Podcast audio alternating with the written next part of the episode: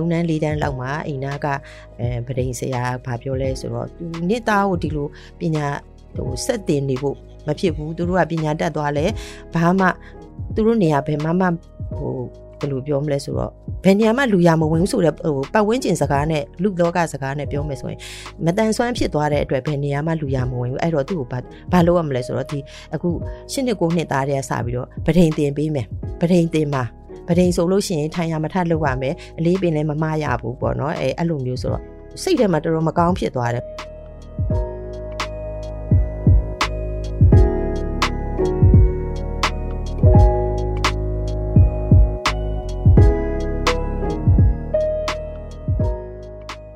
အဲအဲ့လိုသွားပြီဆိုလို့ရှိရင်ပတ်ဝန်းကျင်မှာဆိုသူအဲ့တုန်းကအရွယ်လေးကလည်းငယ်ပါသေးတယ်၈နှစ်၉နှစ်အရွယ်ဆိုတော့ဟိုပတ်ဝန်းကျင်ကလူတွေကတော့ဟိုဒီကလေးကို normal လို့ထင်ပြီးတော့နှုတ်ဆက်ကြတယ်နှုတ်ဆက်ကြတဲ့အချိန်မှာဟိုဘယ်လိုပြောမလဲ autism ဆိုတာမျိုးကလည်းဟိုတာမန်ကလေးတွေနဲ့အတူတူပဲဆိုတဲ့အခါကျတော့ဒီကျမကလေးဟာဒီလို autism ဖြစ်နေတာပါဆိုတာမျိုးကိုကိုယ့်အနေနဲ့လည်းဟို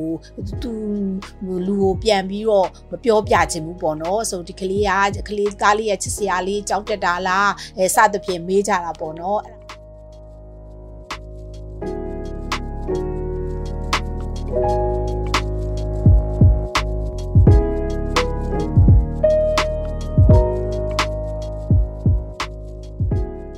မင်္ဂလာပါခင်ဗျာမင်္ဂလာပါရှင်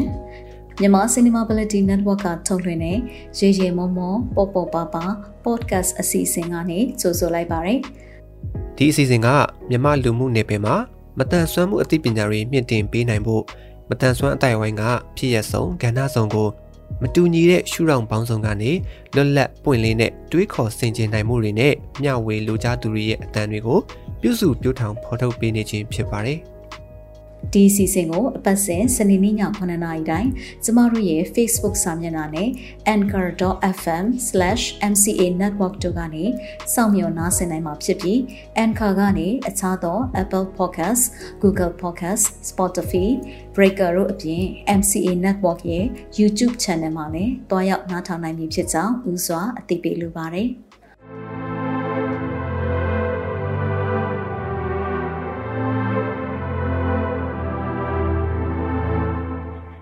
အားလုံးပဲမင်္ဂလာပါရှင်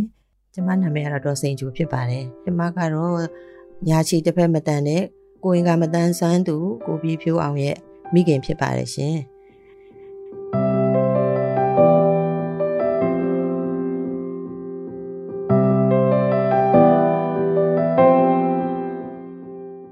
တကယ်တော့သားလေးကမွေးနွားဆိုလို့ရှိရင် ကိုအင်္ဂါတန်တန်ဆွမ်းဆွမ်းနဲ့မွေးလာခဲ့တဲ့ကလေးတယောက်ဖြစ်ပါတယ်။ဒါပေမဲ့အကြောင်းတစ်ခုခုကြောင့်ပေါ့နော်။တစ်နှစ်နဲ့ခုနှစ်လသားလေးမှာညာချီတစ်ဖက်မတန်ဆွမ်းဖြစ်ခဲ့ရတယ်။အဲ့ဒီအတွက်ကျမမှာတကယ်ကိုယူကျုံမရဖြစ်ခဲ့ရပါတယ်။ဘာဖြစ်လို့လဲဆိုတော့သူ့ကိုမွေးတာကတကယ်နာမည်ကြီး OG နဲ့မွေးခဲ့တာလည်းဖြစ်တယ်။တန်တန်ဆန်းဆွမ်းလေးလည်းဖြစ်တဲ့အတွက်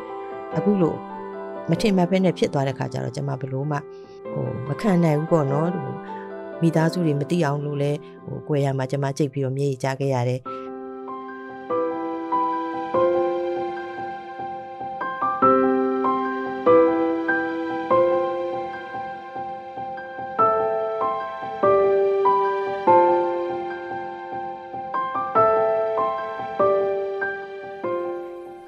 သားလေးရှိမှနေကြပြန်ရင်လည်းတာပို့ပြီးအားငယ်မှာဆိုလို့တာကိုအမြဲတမ်းအားပေးတယ်။နောက်ကျောင်းနေတဲ့အရွယ်ရောက်လာတော့လည်းဒီတိုင်းပဲသူ့ကိုတာအကြီးဆုံးရှိတယ်တာအကြီးဆုံးကနေခြီပိုးရတယ်မအေးကနေခြီပိုးရတယ်အဲ့ဒီလိုမျိုးနဲ့ပေါ့နော်ဟိုသူ့ကိုကျောင်းထားခဲ့ရတယ်ကျောင်းကိုလည်းဟိုခုနှစ်နှစ်သားကြမှာထားရတယ်အဲ့ဒီအချိန်မှာသူကဘာအထောက်ကူမှမပါဘဲနဲ့အိမ်ကမိဘညီကိုမောင်နှမတွေကခြီပိုးပြီးပို့ရတဲ့အချိန်ဖြစ်တယ်ပေါ့နော်အဲ့လိုနဲ့ပေါ့နော်မူလာတန်းနှိမ့်ဝဲလောက်မှာ ဟိုအမျိုးသားပြန်လဲတန်ဆွမ်းရေးစေယုံကစေယုံအုပ်ကြီးကပိုလီယိုပပျောက်ရေးဆိုပြီးတော့အကြောင်းတွေကိုကွင်းဆင်းလာတဲ့အခါမှာဒါကလည်းအကြောင်းလို့လို့အိမ်ပြန်ရောက်နေပြီဒါပေမဲ့ဆရာမကဆရာကြီးကျမတို့ကျောင်းမှာဒီလိုဒီလိုရှိပါတယ်ဆိုပြီးတော့အိမ်ထိလာခေါ်ပြီးတယ်အဲ့ဒီအချိန်မှာတော့ကျမအားရဝင်းတာနေပေါ့နော်ဘယ်လို့မှဟိုအဆက်အသွယ်မရနိုင်တဲ့နေရာတစ်ခုမှလာပြီးတော့အခုကြောင်းတက်ခါမှဒီလိုမျိုးအဆက်အသွယ်လေးရလာဆိုကျမတအားအတန်းပြင်းတိကိုဝမ်းသာသွားတယ်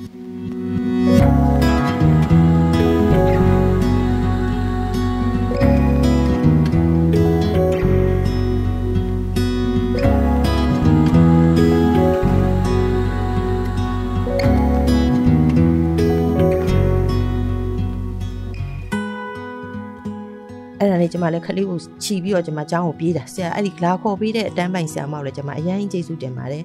အဲ့ဒါကိုကြတော့ဆရာကြီးကခလေးကိုအခြေအနေတွေမေးမြန်းတယ်စစ်ဆေးတယ်ပြီးတော့စေယုံမှာလေ့ကျင့်ခန်းသွားလုပ်ပေးရတယ်အဲ့ဒီကနေစပြီးတော့အထောက်အကူပစ္စည်းဖြစ်တဲ့ brace ဆိုတဲ့ဖက်နက်ကိုသူ စီးရတယ်ပေါ့နော်အဲ့ဒီအချိန်မှာသူ့ကိုအချီရပိုးရတာလွတ်သွားတယ်သူကသူရှောက်နိုင်တယ်ဒါပေမဲ့လို့အဖော်တော့ပါတယ်အဲအဲ့ဒါနဲ့အဲ့လိုနဲ့ပေါ့နော်မူလာတန်းကိုဖြတ်ကျော်လာပြီးတဲ့အချိန်မှာအဲ့မူလာတန်းသူတက်နေတဲ့အချိန်မှာကိုပဲ၃တန်း၄တန်းလောက်မှာအိမ်နာကအဲဗဒိန်ဆရာဘာပြောလဲဆိုတော့သူနှစ်သားကိုဒီလိုပညာဟိုစက်တင်နေဖို့မဖြစ်ဘူးသူတို့ကပညာတတ်သွားလဲဘာမှသူတို့နေရာဘယ်မှမဟိုဘယ်လိုပြောမလဲဆိုတော့ ဘယ်နေရာမှလူရမဝင်ဘူးဆိုတဲ့ဟိုပတ်ဝန်းကျင်စကားနဲ့လူလောကစကားနဲ့ပြောမယ်ဆိုရင်မတန်ဆွမ်းဖြစ်သွားတဲ့အတွက်ဘယ်နေရာမှလူရမဝင်ဘူးအဲ့တော့သူ့ကိုဘာဘာလုပ်ရမလဲဆိုတော့ဒီအခုရှစ်နှစ်ကိုနှစ်သားတည်းကစပြီးတော့ပဒိန်တင်ပေးမယ်ပဒိန်တင်မှာပဒိန်ဆိုလို့ရှိရင်ထိုင်ရမထလုပ်ရမယ်အလေးပင်လည်းမမရဘူးပေါ့နော်အဲအဲ့လိုမျိုးဆိုတော့စိတ်ထဲမှာတော်တော်မကောင်းဖြစ်သွားတယ်ငါသားလေးက စာလေးတော်တယ်သူကမူလာတန်းလေးကစပြီးတော့တောက်လျှောက်ကနှစ်တိုင်းနှစ်တိုင်းစုတွေရလာတယ်စာလေးတော်ရဲ့သားနဲ့ငါမရရအောင်ဒီအကြောင်းကိုပြီးဆုံးတဲ့အထိဘွဲရတဲ့အထိသင်မယ်ဆိုတော့တားကိုလည်းမေးတယ်တားကသင်ခြင်းသလားပထိန်ပညာကိုသင်ခြင်းသလားတော့မေးတော့တားကလည်းဝါသနာမပါဘူးတဲ့အဲ့ဒါကျွန်မတအားဝမ်းသာသွားတယ်ကျွန်မလည်းသင်မပေးဘူး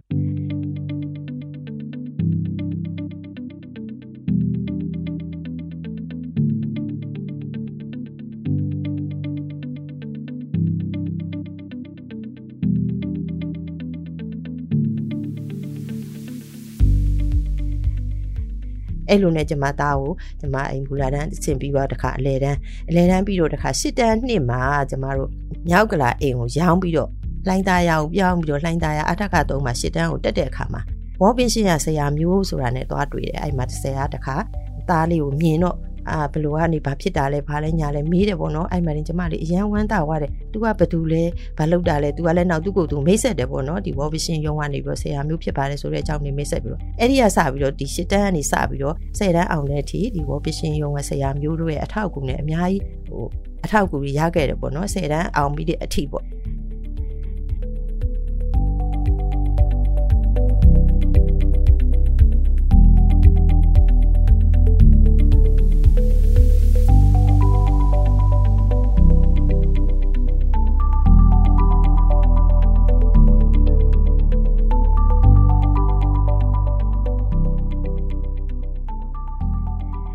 10တန်းအောင်တော့လေတာက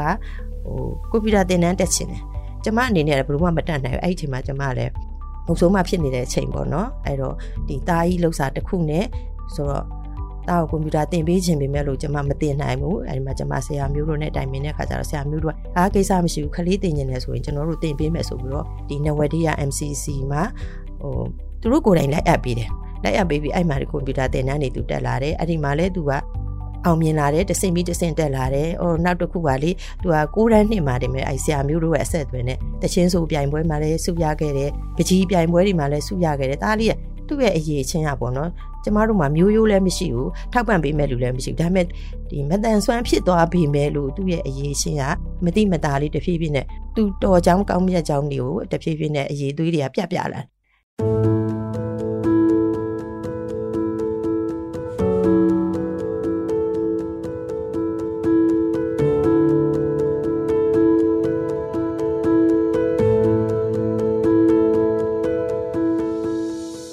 အဲ့ဒီအချိန်မှာပဲသူက10တန်းအောင်ပြီးတော့ကွန်ပျူတာသင်တန်းတွေလည်းပြီးသွားတဲ့ခါမှာတက္ကသိုလ်တက်ရမယ်တက်ရမယ့်ခါကျတော့တက္ကသိုလ်ဆိုတဲ့အချိန်အဝါယူသားကချိန်နေတယ်နောက်ပြီးတော့ဒုက္ခဒုက္ခများလဲကြောက်တာတို့ရှက်တာတို့လည်းပါမှာပေါ့နော်ဟိုအလဲတန်းမူလဲတန်းမှာတော့တငယ်ချင်းတွေနဲ့ပခုံးဖက်ပြီးသွားလာတယ်အခုတက်ကက်တို့ကြတော့သူတယောက်တည်းတက်ရမယ်တခြားဒဇိန်းအနေနဲ့တွေ့ရမယ်အဲသူ့ကိုအရေးမှလောက်ပါမလားနှိမ်ကြမလားအဲ့ဒီလိုစိတ်ဓာတ်မျိုးနဲ့သူအားငယ်နေတဲ့အချိန်မှာကျမဒီပထမနှစ်တစ်နှစ်လုံးကိုကျမ သားကိုအားပေးတဲ့အနေနဲ့ကျမကိုယ်တိုင်ကျောင်းမှာလိုက်ပို့ပေးတယ်တနေ့ကုန်ထိုင်ဆောင်ပေးတယ်ညနေကျောင်းစီမှပြန်တယ်ဒါပေမဲ့သူထင်တယ်လို့မဟုတ်ဘူးတငယ်ချင်းတွေကလည်းသူ့ကိုတအားချစ်ကြတယ်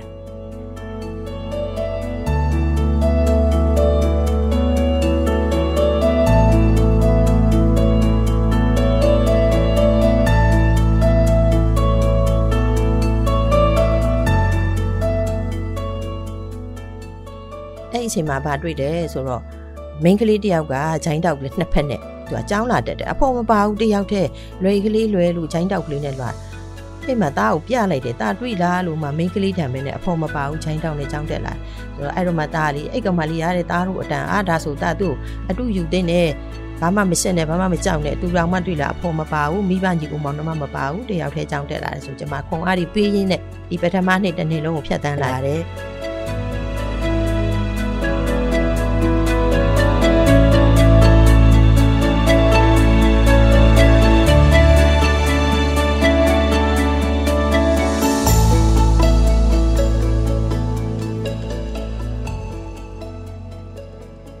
အဲ့ဒီအချိန်မှာနာနာကိဖြစ်တယ်နာကိဖြစ်တဲ့အခါမှာဟိုဟိုဆရာကိုနေလင်းစိုးတို့ကိုမင်းစိုးတို့နဲ့တွားပြီးတော့အဆက်အသွယ်ရပြစ်သွားတယ်ရပြစ်သွားတဲ့အခါမှာအဲ့မှာထောက်ကူပစ္စည်းတွေသူကခေါ်ပေးတယ်အဲ့ဒီအချိန်မှာဆရာဆရာတို့ကဘာပြောလဲဆိုတော့အာမင်းတက္ကသိုလ်တက်တာတော့မအေးရနောက်ကတကောက်ကောက်လိုက်နေတာမင်းကြီးစားထားရင်ဘယ်လိုလုပ်မလဲဖာညာပေါ့သူ့ကိုစတယ်အဲ့ဒါခွန်အားတွေပေးတာပေါ့နော်အဲ့နဲ့ကျမအိမ်ကြတော့ပြောတယ်တားဒီဆရာတွေကိုတွေ့လားဆရာတွေကဂျိုင်းတောင်းတစ်ဖက်နဲ့ တယောက်တည်းသွားလာနေတာပြမှာနိုင်ငံပေါင်းစုံနဲ့နှံ့နေပြီဘွဲတွေလည်းရပ်ပြီးပါပြီဘလောက်အားကြဖို့ကောင်းလဲသူတို့အားကြပါသူတို့အတူယူပါဆိုကျွန်မသားကိုအမြဲတမ်းခုံအားတွေပြီးတယ်အဲ့လိုနဲ့ပဲသားကဘွဲရသွားတယ်ပေါ့နော်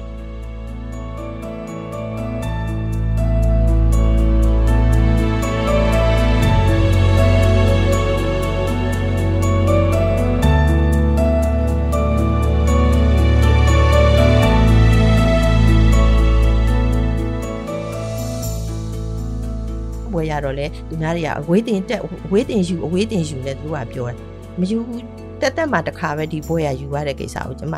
ရအောင်လို့ဒီပွဲအခမ်းအနားကိုရအောင်တက်ပြီးတော့ကျမ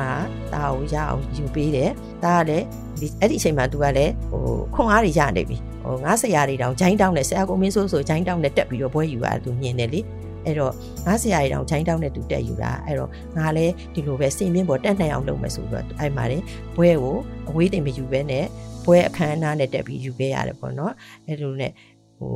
ကျမလည်းသားကိုမူလာတန်းနဲ့စပြီးတော့ဘွဲရတဲ့အထိကျမခွန်အားတွေရန်ဟိုပြီးခဲ့ရတယ်ပေါ့နော်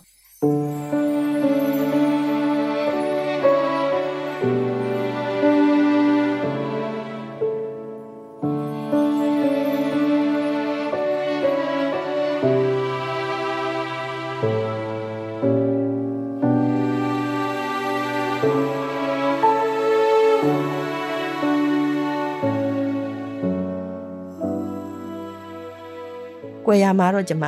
အရန်ဝမ်းနေရတယ်ဘာဖြစ်လို့ဆိုတော့တကြံတွင်းမှာကိုများခလေးတွေစော့နေတဲ့အချိန်မှာကိုသားလေးရတယ်စော့ချင်မှာအိမ်ပေါင်းကနေအဲ့လိုလေးပဲထိုင်ကြည့်နေရအဲ့ဒါကြီးကျမမြင်ပြင်းလေအရန်စိတ်မကောင်းဖြစ်ဒါမဲ့ကျမဟိုခလေးကပို့ပြီးစိတ်မကောင်းဖြစ်မှာဆိုလို့ပေါ့နော်အဲခလေးကိုကျမအိမ်ပေါ်မှာပဲကျမ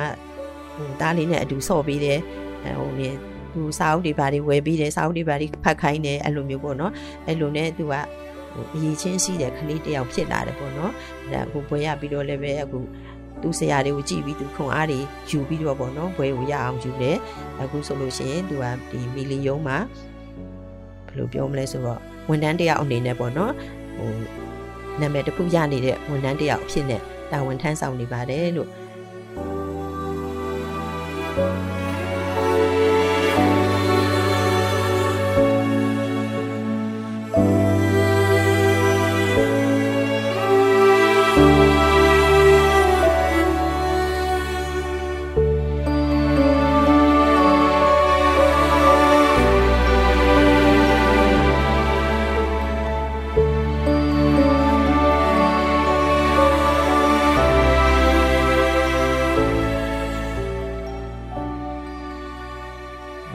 ပေါ့နော်ဒီမှာပြောချင်တာကတော့ဟိုတချို့ပတ်ဝန်းကျင်ရဆိုလို့ရှင်ပေါ့နော်ဒီမတန်ဆွမ်းကလေးတွေကဟိုလူတော့မတိုးတော့ဘူးဘယ်နေရာမှာသူတို့အတွက်ကလူလူဝင်မဆန့်တော့ဘူးအနေပညာတက်လဲအလကားပါပဲနင်သားကိုဘယ်မှာသွားလောက်ခိုင်းမလဲဘယ်ရုံးကလက်ခံမလဲအဲ့အဲ့လိုပုံစံမျိုးတွေပြောတာကိုနားထဲမှာမခံနိုင်ဘူးအဲ့လိုမျိုးဆိုတော့ပေါ့နော်အဲ့တော့ဒီပဒိန်ပညာကိုတက်တက်လုံးဒီပဒိန်ဘိုထဲမှာပဲဟိုမတန်တဲ့ကြားထဲမှာဒီပဒိန်ဘိုထဲမှာတပုတ်ပုတ်နဲ့လုံနေရရင်ဒီကလေးကပို့ပြီးတော့ချိနေသွားနိုင်တယ် နောက်ပြီးတော့ဟိုဒီပဒိန်လုပ်ငန်းဆိုတာအနှုစိတ်နိုင်တဲ့အတွက်ပေါ့နော်အနှုစိတ်လည်းဖြစ်တဲ့အတွက်အရန်အာယုံဆိုင်ရမယ်နောက်ပြီးတော့ဒီပညာတစ်ခုပဲသူရမယ်ကြံတဲ့လူမှုရေးတခြားပတ်ဝန်းကျင်ဘ ഹു တုတာဘာညာဆိုတာမရှိဘူးပေါ့နော်ဟိုဖြစ်လာမှာမဟုတ်ဘူးအဲ့တော့သူဟာသူပဲသူဝါသနာပါဝရာကိုပဲသူလုပ်ပေးစီကျမသူတရှင်းဆိုတာဝါသနာပါတယ်ကျမလှုပ်ပေးလိုက်တယ်အားပေးတယ်ဆိုရအောင်ဆို ကျမသားကိုအားပေးတယ်သူသွားတဲ့နေရာတိုင်းလည်းကျမလိုက်ပို့ပေးတယ်ပေါ့နော်လိုက်ခဲ့ပေးတယ်အဲ့လိုမျိုးတွေနဲ့ဟိုသားကိုဒီလိုအခြေအနေမျိုးဖြစ်အောင်လို့ကျမအားပေးခဲ့ပါတယ်လို့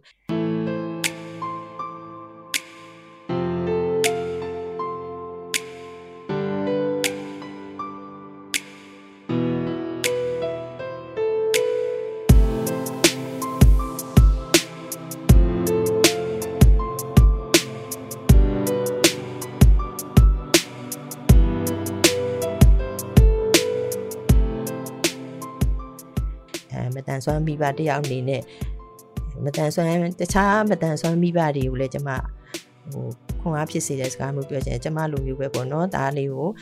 ဟိုဒါကိုယ့်ရဲ့မတန်ဆွမ်းသားသမီးလေးကိုဥပမာပညာသင်လို့ရတဲ့သားသမီးဆိုလည်းပညာကိုစုံစမ်းတိုင်အောင်သင်ပေးကြပါကိုစီးပွားရေးမပြေလဲလို့မတက်နိုင်ပေမဲ့လို့လည်းပဲအခုသူ့အကြောင်းတရားနဲ့သူဟာသူဖြစ်ပေါ်လာတယ်ကျမတို့ကလည်းဒီလိုပဲကိုကဆင်းရဲတယ်မတက်နိုင်ဘူးဒါပေမဲ့ သူ့ကုတုကံနဲ့သူ့အကြောင်းတရားနဲ့သူဟာသူဖြစ်ဖြစ်ဖြစ်ဖြစ်လာတယ်ပေါ့နော်အဲ့လိုမျိုးအဲ့တော့ဟိုတကယ်လို့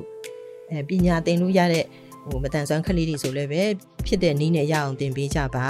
နောက်ပြီးတော့တချို့ညံရည်မတန်ဆွမ်းကလေးတွေဆိုတာလည်းရှိတယ်သူတို့မှလည်းသူတို့အရေးချင်းတယ်သူတို့ရှိကြတယ်အခုအများသောအားဖြင့်ပေါ့နော်တချို့ကလေးတွေဆိုရင်အကလေးတွေတော်ချတယ်အဲသူတို့တွေပေါ့နော်ဘာလက်မှုပညာလေးတွေဆိုလဲဆရာမတွေသင်ပေးလို့ရှိရင်သူတို့စိတ်ဝင်စားနဲ့လုပ်ပေးကြတယ်တက်ကြတယ်အဲ့လိုမျိုးတွေရှိတယ်ပေါ့နော်အဲ့တော့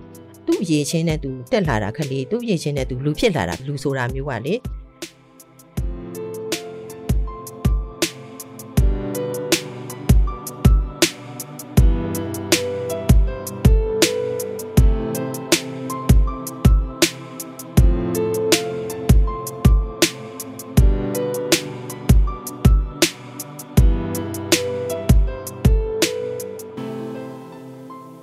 အဲ့တော့ အဲ့လိုကလေးမျိုးတွေကိုမနှိမ်ဖို့ပေါ့နော်မင်းကဘာမှအသုံးစားမရပါဘူးကွာမင်းနေရာတကာမပါနဲ့ကလေးတွေကအဲ့လိုမတန်ဆွမ်းကလေးတွေကဟိုလူကြီးတွေသွားတဲ့ခါကျရင်သွားချင်တယ်လိုက်ချင်တယ်အဲ့ကျရင်လူကြီးတွေကနင်းရှုပ်တဲ့နေရာတကာမလိုက်နဲ့တို့ဘာတို့အဲ့လိုမျိုးတွေရှိတယ်ပေါ့နော်အဲ့ခါကျရင်ဟိုအဲ့လိုမျိုးတွေမပြောဖို့ကလေးတွေကိုဥပမာကိုခေါ်လို့မရတဲ့နေရာဆိုလို့ရှိရင်ကလေးတွေကိုချော့မော့ပြီးတော့သူတို့နားဝင်အောင်ပြောပြခေါ်လို့ရတဲ့နေရာဆိုရင်ခေါ်တာသွားသူတို့ကိုဘ ഹു တုတရအောင်လို့ပြောပြဟိုအဲ့လိုမျိုးပဲ သားသမီးတွေကိုခွန်အားပေးပါအဲ့လိုမျိုးပဲဖြစ်စေခြင်းပါတယ်လို့ကျမတော့ခွန်အားပေးခြင်းပါတယ်လို့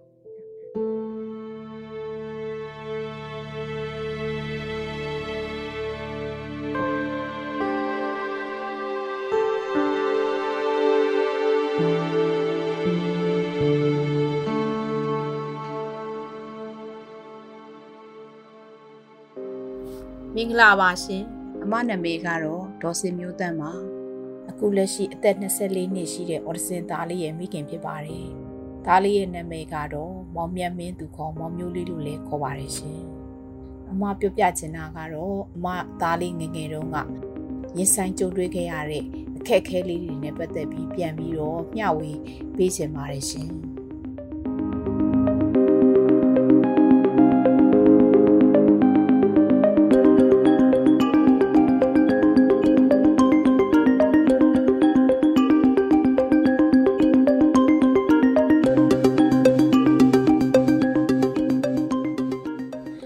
သားလေးကိုအော်ဒစင်ဆိုပြီးစပြီးသိရှိတဲ့အချိန်တုန်းကအသက်2နှစ်ခွဲပေါ့နော်ဟိုတာမန်ကလေးတွေတောင်မှဘူဂျူစတက်ပြီးဆိုလို့ရှိရင်3နှစ်လောက်မှစပြီးတော့ထားကြတာပေါ့နော်ဟိုဒါပေမဲ့လည်းဒီလိုအော်ဒစင်ကလေးမျိုးတွေကဟိုဘလို့ပဲဖြစ်ဖြစ်9နှစ်6နှစ်ဆိုရင်ကြောင်းတက်နိုင်တဲ့အရွယ်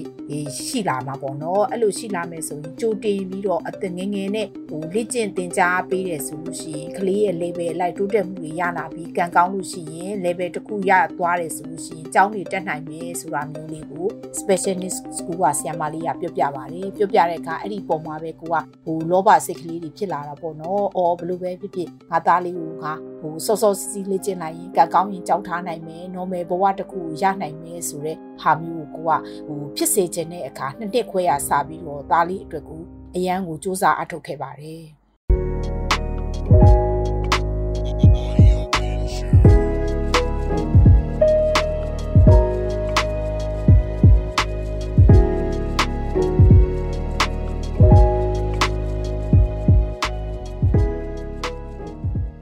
ကျောင်းမှာသင်တဲ့အခါဆရာမလေးက သူ့ကိုတနာရီနှစ်နာရီသင်ပေးတာပေါ့သင်ပေးပြီးမရဲ့အိမ်မှာပြန်တင်ပါကျမတို့နဲ့တင်ရတာတနာရီနှစ်နာရီအမတို့မိဘတွေနဲ့နေရတာက24နာရီမှာဆိုရင်22နာရီကမိဘနဲ့နေရတယ်ဒါကြောင့်မိဘအနေနဲ့လည်းကျောင်းမှာတင်တဲ့အတိုင်းပဲပြန်တင်ပေးတယ်ဆိုလို့ရှိရင်တူကလေးရဲ့တိုးတက်မှုအားကောင်းနေအဲဒါကြောင့်အမ ဟိုကလေးကိုပြန်ပြီးလေ့ကျင့်သင်ကြားပေးပါဆိုပြီးတော့ဆ iam မလေးကပြောပြပါတယ်အဲ့လိုပြောပြတဲ့အခါအမအနေနဲ့လည်းအားရအရန်ရှိတာပေါ့နော်အော်ဘယ်လိုပဲဖြစ်ဖြစ်ငါကလေးကိုအိမ်မှာပြန်သင်နိုင်ရင်ဒါတိုးတက်မှုအားကောင်းလာမယ်အဲ့ဒါဆိုကိုမျော်လင့်တယ်လို့လည်းဖြစ်လာနိုင်မယ်ဆိုတဲ့စိတ်နဲ့အမအိမ်မှာလည်းသူ့ကိုပြန်ပြီးသင်ပေးပါတယ်ရှင်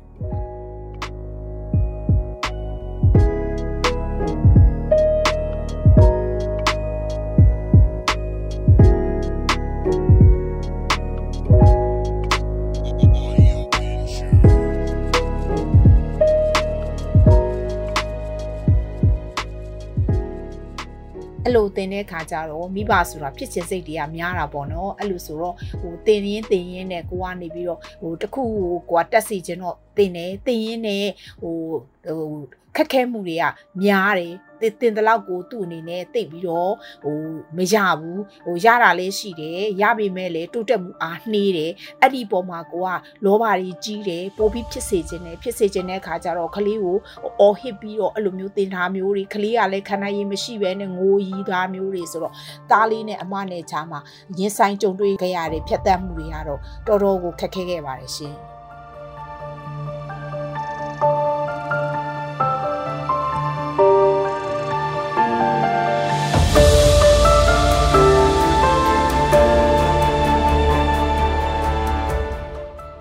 ကိုသင်ပေးတဲ့ဆရာမလေးကပြောတာပေါ့နော်ဒီ autism မှာ level 3ခုရှိတယ် high level ရှိတယ် moderate level ရှိတယ် low level ရှိတယ် high level တမားကတော့သူသင်ကြားမှုကိုသူကခံယူနိုင်တယ်သူ့ရဲ့ဟိုအရေးအချင်းလေးကလည်းအားကောင်းတယ်ဆိုရင်ဒီ high level တမားကအကြောင်းနေတက်နိုင်မယ်တက်နိုင်ပြီးတော့ဘဝမှာ ဟိုလူဒန်းစီလဲနေနိုင်တယ်ဒီအတက်ပညာကလည်းဟို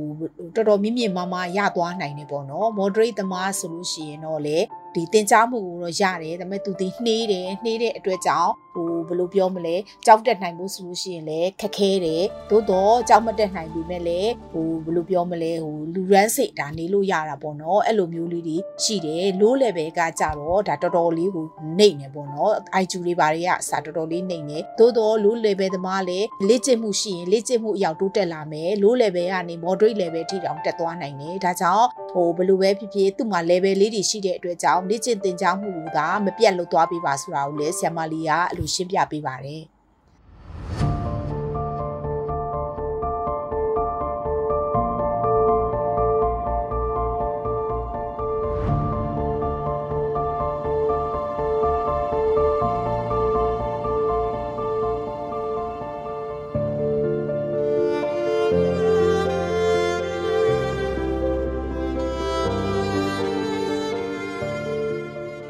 အဲ့ဒါနဲ့အမသားလေးကိုအမတင်ကြရင်တင်ကြရင်ね तू က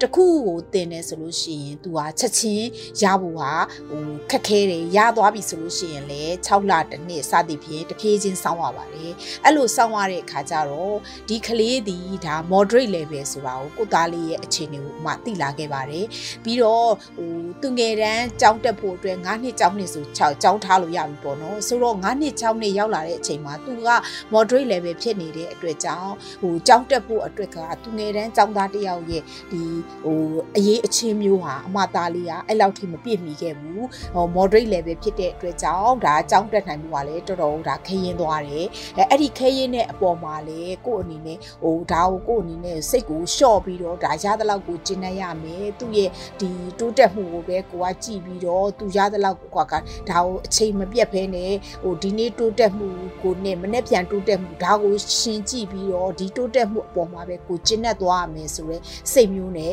ရောင်ရဲတင့်တယ်ရပါတယ်အဲ့လိုရောင်ရဲတင့်တယ်လိုက်မှပဲကလေးလည်းအဆင်ပြေတယ်ကိုလည်းအဆင်ပြေတယ်ဆိုတာမျိုးတွေဖြစ်ခဲ့ပါတယ်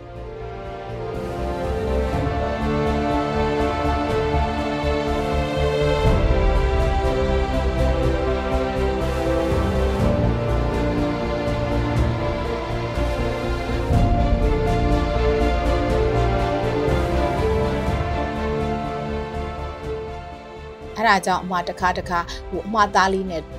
ပတ်သက်ပြီးတွေးမိပါတယ်။အိုးဟိုတရားသဘောလေးတွေပေါ့နော်လူဆိုတာအရာရာမှာအရန်ကြီးလောဘကြီးနေလို့မရဘူး။လောဘကြီးပေမဲ့ तू ရတဲ့လောက်ကိုပဲကိုကကျင့်တတ်ရမယ်။ဟိုလောဘစွတ်ကြီးလို့ရှိရင်အဲ့လောဘနောက်မှာကိုပဲဒုက္ခဖြစ်မယ်။အဲအဲ့ဒါကြောင့်ဘယ်အရာမဆိုကိုအကောင်းဆုံးသာလုပ်ပါရတဲ့လောက်ကိုကျင့်တတ်ရမယ်ဆိုတဲ့အသည့်ကိုငါသားလေးကပေးတာပဲဆိုပြီးတော့သားလေးကိုအဲတရားသဘောလေးနဲ့ရှင်ပြီးကျေးဇူးတင်မိပါတယ်ရှင်။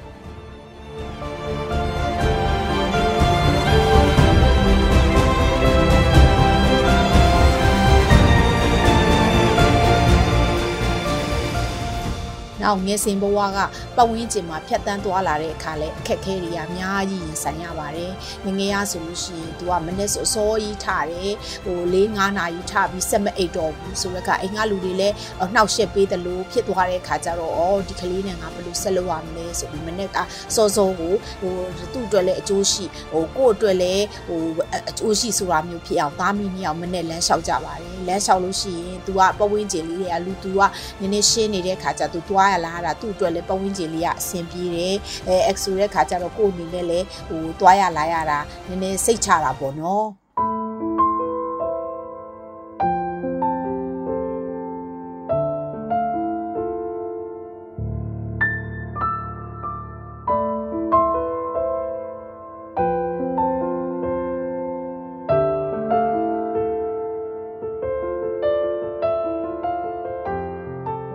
အဲအဲ့လိုသွားပြီဆိုလို့ရှိရင်ပတ်ဝန်းကျင်မှာဆိုသူအဲ့တုန်းကအရွယ်လေးကလည်းငယ်ပါသေးတယ်၈နှစ်၉နှစ်အရွယ်ဆိုတော့ဟိုပတ်ဝန်းကျင်ကလူတွေကတော့ဟိုဒီကလေးကို normal လို့ထင်ပြီးတော့နှုတ်ဆက်ကြတယ်နှုတ်ဆက်ကြတဲ့အချိန်မှာဟိုဘယ်လိုပြောမလဲ audition ဆိုတာမျိုးကလည်း ဟိုတာမန်ကလေးတွေနဲ့အတူတူပဲဆိုတဲ့အခါကျတော့ဒီကျမကလေးဟာဒီလို audition ဖြစ်နေတာပါဆိုတာမျိုးကိုကိုယ့်အနေနဲ့လည်းဟို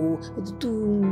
လူကိုပြန်ပြီးတော့မပြောပြချင်ဘူးပေါ့နော်ဆိုဒီကလေးကကလေးသားလေးရဲ့ချစ်စရာလေးကြောက်တက်တာလားအဲစသဖြင့်မေးကြတာပေါ့နော်အဲ့ဒါနဲ့နှစ်ရက်သုံးရက်အဲတွေ့တာလေးနည်းနည်းကြာလာတဲ့အခါသားလေးကဘယ်နှစ်တန်းရောက်ပြီလဲအဲကျူရှင်ပို့တာလားစသဖြင့်မေးလာတဲ့အခါကျတော့ကိုကကိုယ့်အကြောင်းကိုပြောပြရတာပေါ့နော်အဲပြောပြတဲ့အခါကျတော့သူတို့ကလည်းကိုကိုကလေးရဲ့ဖြစ်နေတဲ့အနေအထားလေးကိုကြည့်ပြီးသူတို့လည်းစိတ်မကောင်းကြဘူးပေါ့နော်ဆိုတော့သူတို့ကစိတ်မကောင်းဆိုတော့မွေးထားတဲ့အမေကတော့ဘယ်ဟိုပြောစရာစကားတော့မရှိတော့ဘူးပေါ့နော်။အော်အဲ့လိုမျိုးကိုဒါပေမဲ့ဘယ်လိုပဲဖြစ်ဖြစ်ဟိုကို့အနေနဲ့ဟိုကျင်းတဲ့ရောင်းရဲရတယ်ဆိုတဲ့ဟာလေးကိုပြောပြချင်တာပါ။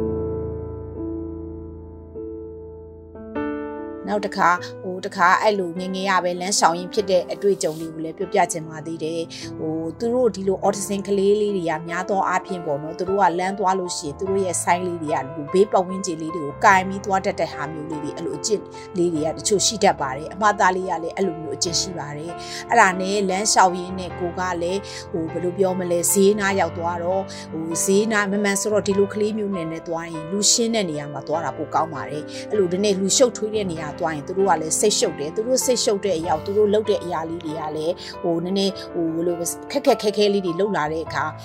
ဒီလိုအမေအနေနဲ့လည်းခက်ခဲတယ်ပတ်ဝန်းကျင်ကလူတွေလည်းခက်ခဲတယ်ဆိုတာမျိုးတွေကြုံရတာပေါ့နော်အဲ့ဒါနဲ့ကားတစ်စီးကနေပြီးတော့ဈေးရှည်မှာ तू ကဟိုကို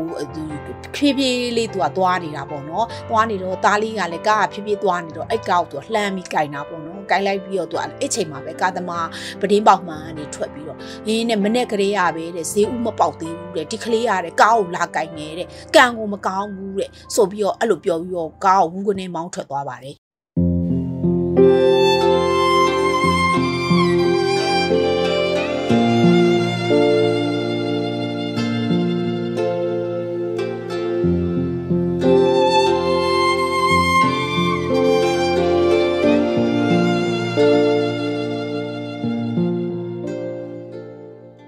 င်းထွက်သွားတဲ့အခါကျတော့အဲ့ဈေးနာမှာရှိတဲ့လူကဟာဒီလူဟာတဲ့ဘလို့လဲတဲ့ကလေးကားကင်လိုက်တာလေးကိုဒီလောက်တော့ပြောစရာလားတဲ့မရိုင်းလိုက်တာဆိုပြီးအဲ့လိုမျိုးကိုဘက်ကိုအသားမိဘက်ကိုသူတို့ကဟိုဖေးဖေးမမပြောပေးကြပါတယ်ဒါပေမဲ့လေတစ်ဖက်ကကိုမဘလို့ဖြစ်နေလဲဆိုကိုကိုတိုင်းလေဒီ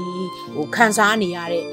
လူပေါ့နော်ဒီကလေးနဲ့ပတ်သက်ပြီးတော့ဆိုအဲ့ဒီလူကမှလည်းသူ့မှလည်းသူခံစားချက်ပေါ့ဒီကားသမားဘက်ကိုကြည့်လိုက်လို့ရှိရင်လေဒါပေမဲ့လေကို့မှာလေကိုခန်းစားချက်ပေါ့ခန်းစားချက်တွေကဆိုတဲ့အခါကျတော့ကို့ကလေးဒီလိုအပြောခံလိုက်ရတဲ့အခါကျတော့ကို့အနေနဲ့ကလေးတွေစိတ်မကောင်းဖြစ်မိတာပေါ့နော်ဆို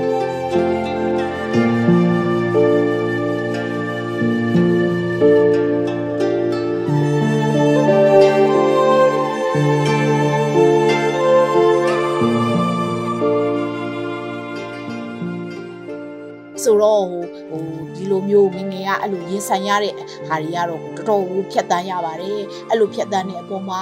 ကိုယ့်အနေနဲ့ခန်းစားချက်တွေကိုကိုကပြန်ပြီးတော့တွေးရတယ်ပြန်ပြီးတော့ဟိုကိုကကိုပြန်ပြီးအခုဒီနေ့ဒီကသားလေးနဲ့လမ်းလျှောက်တယ်နောက်လေးရောငါဆက်လျှောက်လို့ဖြစ်မလားငါခံနိုင်ရရှိမလားအပတ်ဝန်းကျင်မှာဟိုငါတို့သားအမိကဆက်ပြီးလျှောက်လို့အဆင်ပြေအောင်မလားဆိုတဲ့ဟိုအတွေးတွေကနေ့စဉ်နဲ့အမျှဟိုအများကြီးဖြစ်ခဲ့ပါတယ်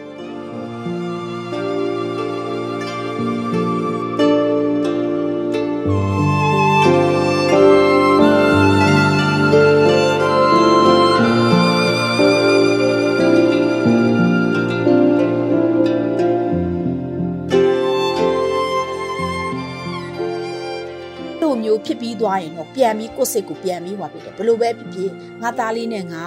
သွားရမယ်ဒီကလေးအနာဂတ်အတွက်ငါဖန်တီးပေးမှာဖြစ်မှာဒီကလေးငါဒီပတ်ဝန်းကျင်ကိုရေမဆိုင်နိုင်လို့ဒီကလေးလမ်းမလျှောက်ဖြစ်ဘူးဆိုလို့ရှိရင်ကလေးအတွက်အနာဂတ်ကနဲသွားပြီနဲသွားရင်ပို့ပြီးတော့ကိုယ့်အနေနဲ့ ဟိုကလေးတွေပူစိတ်မကောင်းဖြစ်ရမယ်ဒါကြောင့်ပုံဝင်းကျင်ကိုရေးဆိုင်ရမယ်ဒီကလေးကိုငါသားလေးငါမွေးထားတာဘလို့ပဲဖြစ်ဖြစ်ငါရေးဆိုင်မယ်စိုးရင်လည်းရေးဆိုင်မယ်ကောင်းရင်လည်းရေးဆိုင်မယ်ဒီရဲ့ရရှိမှုပေါ်မှာငါကျင့်တတ်မယ်ဆိုပြီးကိုယ့်ရဲ့စိတ်ကိုပြန်ပြီးတော့တရားချရပါတယ်ရှင်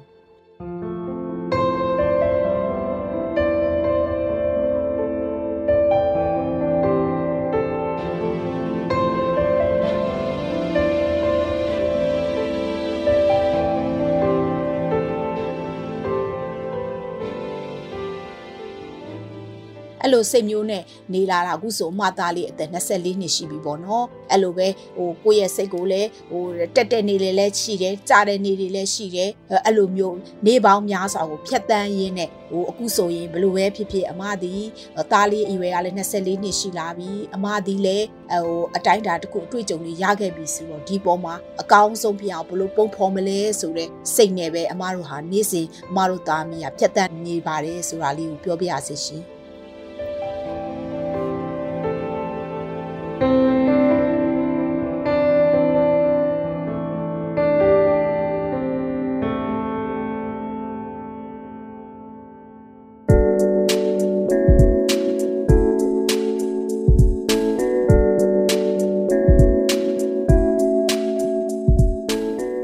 စီစဉ်ကိုမိတ်ဆွေတို့အနေနဲ့အစအဆုံးနားထောင်ပြီးပြီဆိုရင်တော့မိမိတို့ရဲ့သဘောထားမှတ်ချက်များကို Anchor မှာအတန်နဲ့စာနှမျိုးလုံးနဲ့ဖြစ်စေ Facebook မှာစာနဲ့တပ်ပုံနှမျိုးလုံးနဲ့ဖြစ်စေပေးနိုင်ပါပြီနော်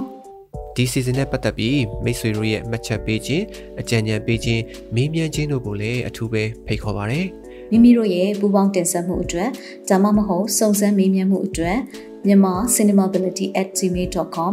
ဒါမှမဟုတ်တင်ဆက်သူများရဲ့ Viber နံပါတ်များဖြစ်တဲ့ကိုပြေ39 26125649နဲ့မနွေ39 94155989တို့ကိုဆက်သွယ်ဆောင်ရွက်နိုင်ပါတယ်မိတ်ဆွေတို့အနေနဲ့ဒီအစီအစဉ်ကိုမတိသေးသူများတိဖို့လိုအပ်နေသူများ မတန်ဆွမ်းရေးကိုမိမိတို့ရဲ့လုပ်ငန်းခွင်အသီးသီးမှာထည့်သွင်းဆောင်ရွက်ဖို့စိတ်ပါဝင်စားသူမိသူကိုမဆိုထက်ဆင့်ဝေမျှပေးရတဲ့တရင်ကောင်းပါနိုင်ပါတယ်မြန်မာပြည်သူပြည်သားအားလုံးမတန်ဆွမ်းမှုအသိပညာတွေတိုးပွားကခွဲခြားဆက်ဆံမှုကင်းပြီးအားလုံးစုံဝင်တဲ့လူမှုအတိုင်းအဝန်တစ်ခုကိုအမြင့်ဆုံးဖော်ဆောင်နိုင်ပါစေလို့ဆန္ဒပြုရင်းဒီကနေ့အစည်းအဝေးကိုဒီမှာရန်နာပါရစေ။နောက်ပတ်စနေနေ့ည9:00နာရီမှာပြန်ဆောင်ကြရအောင်နော်။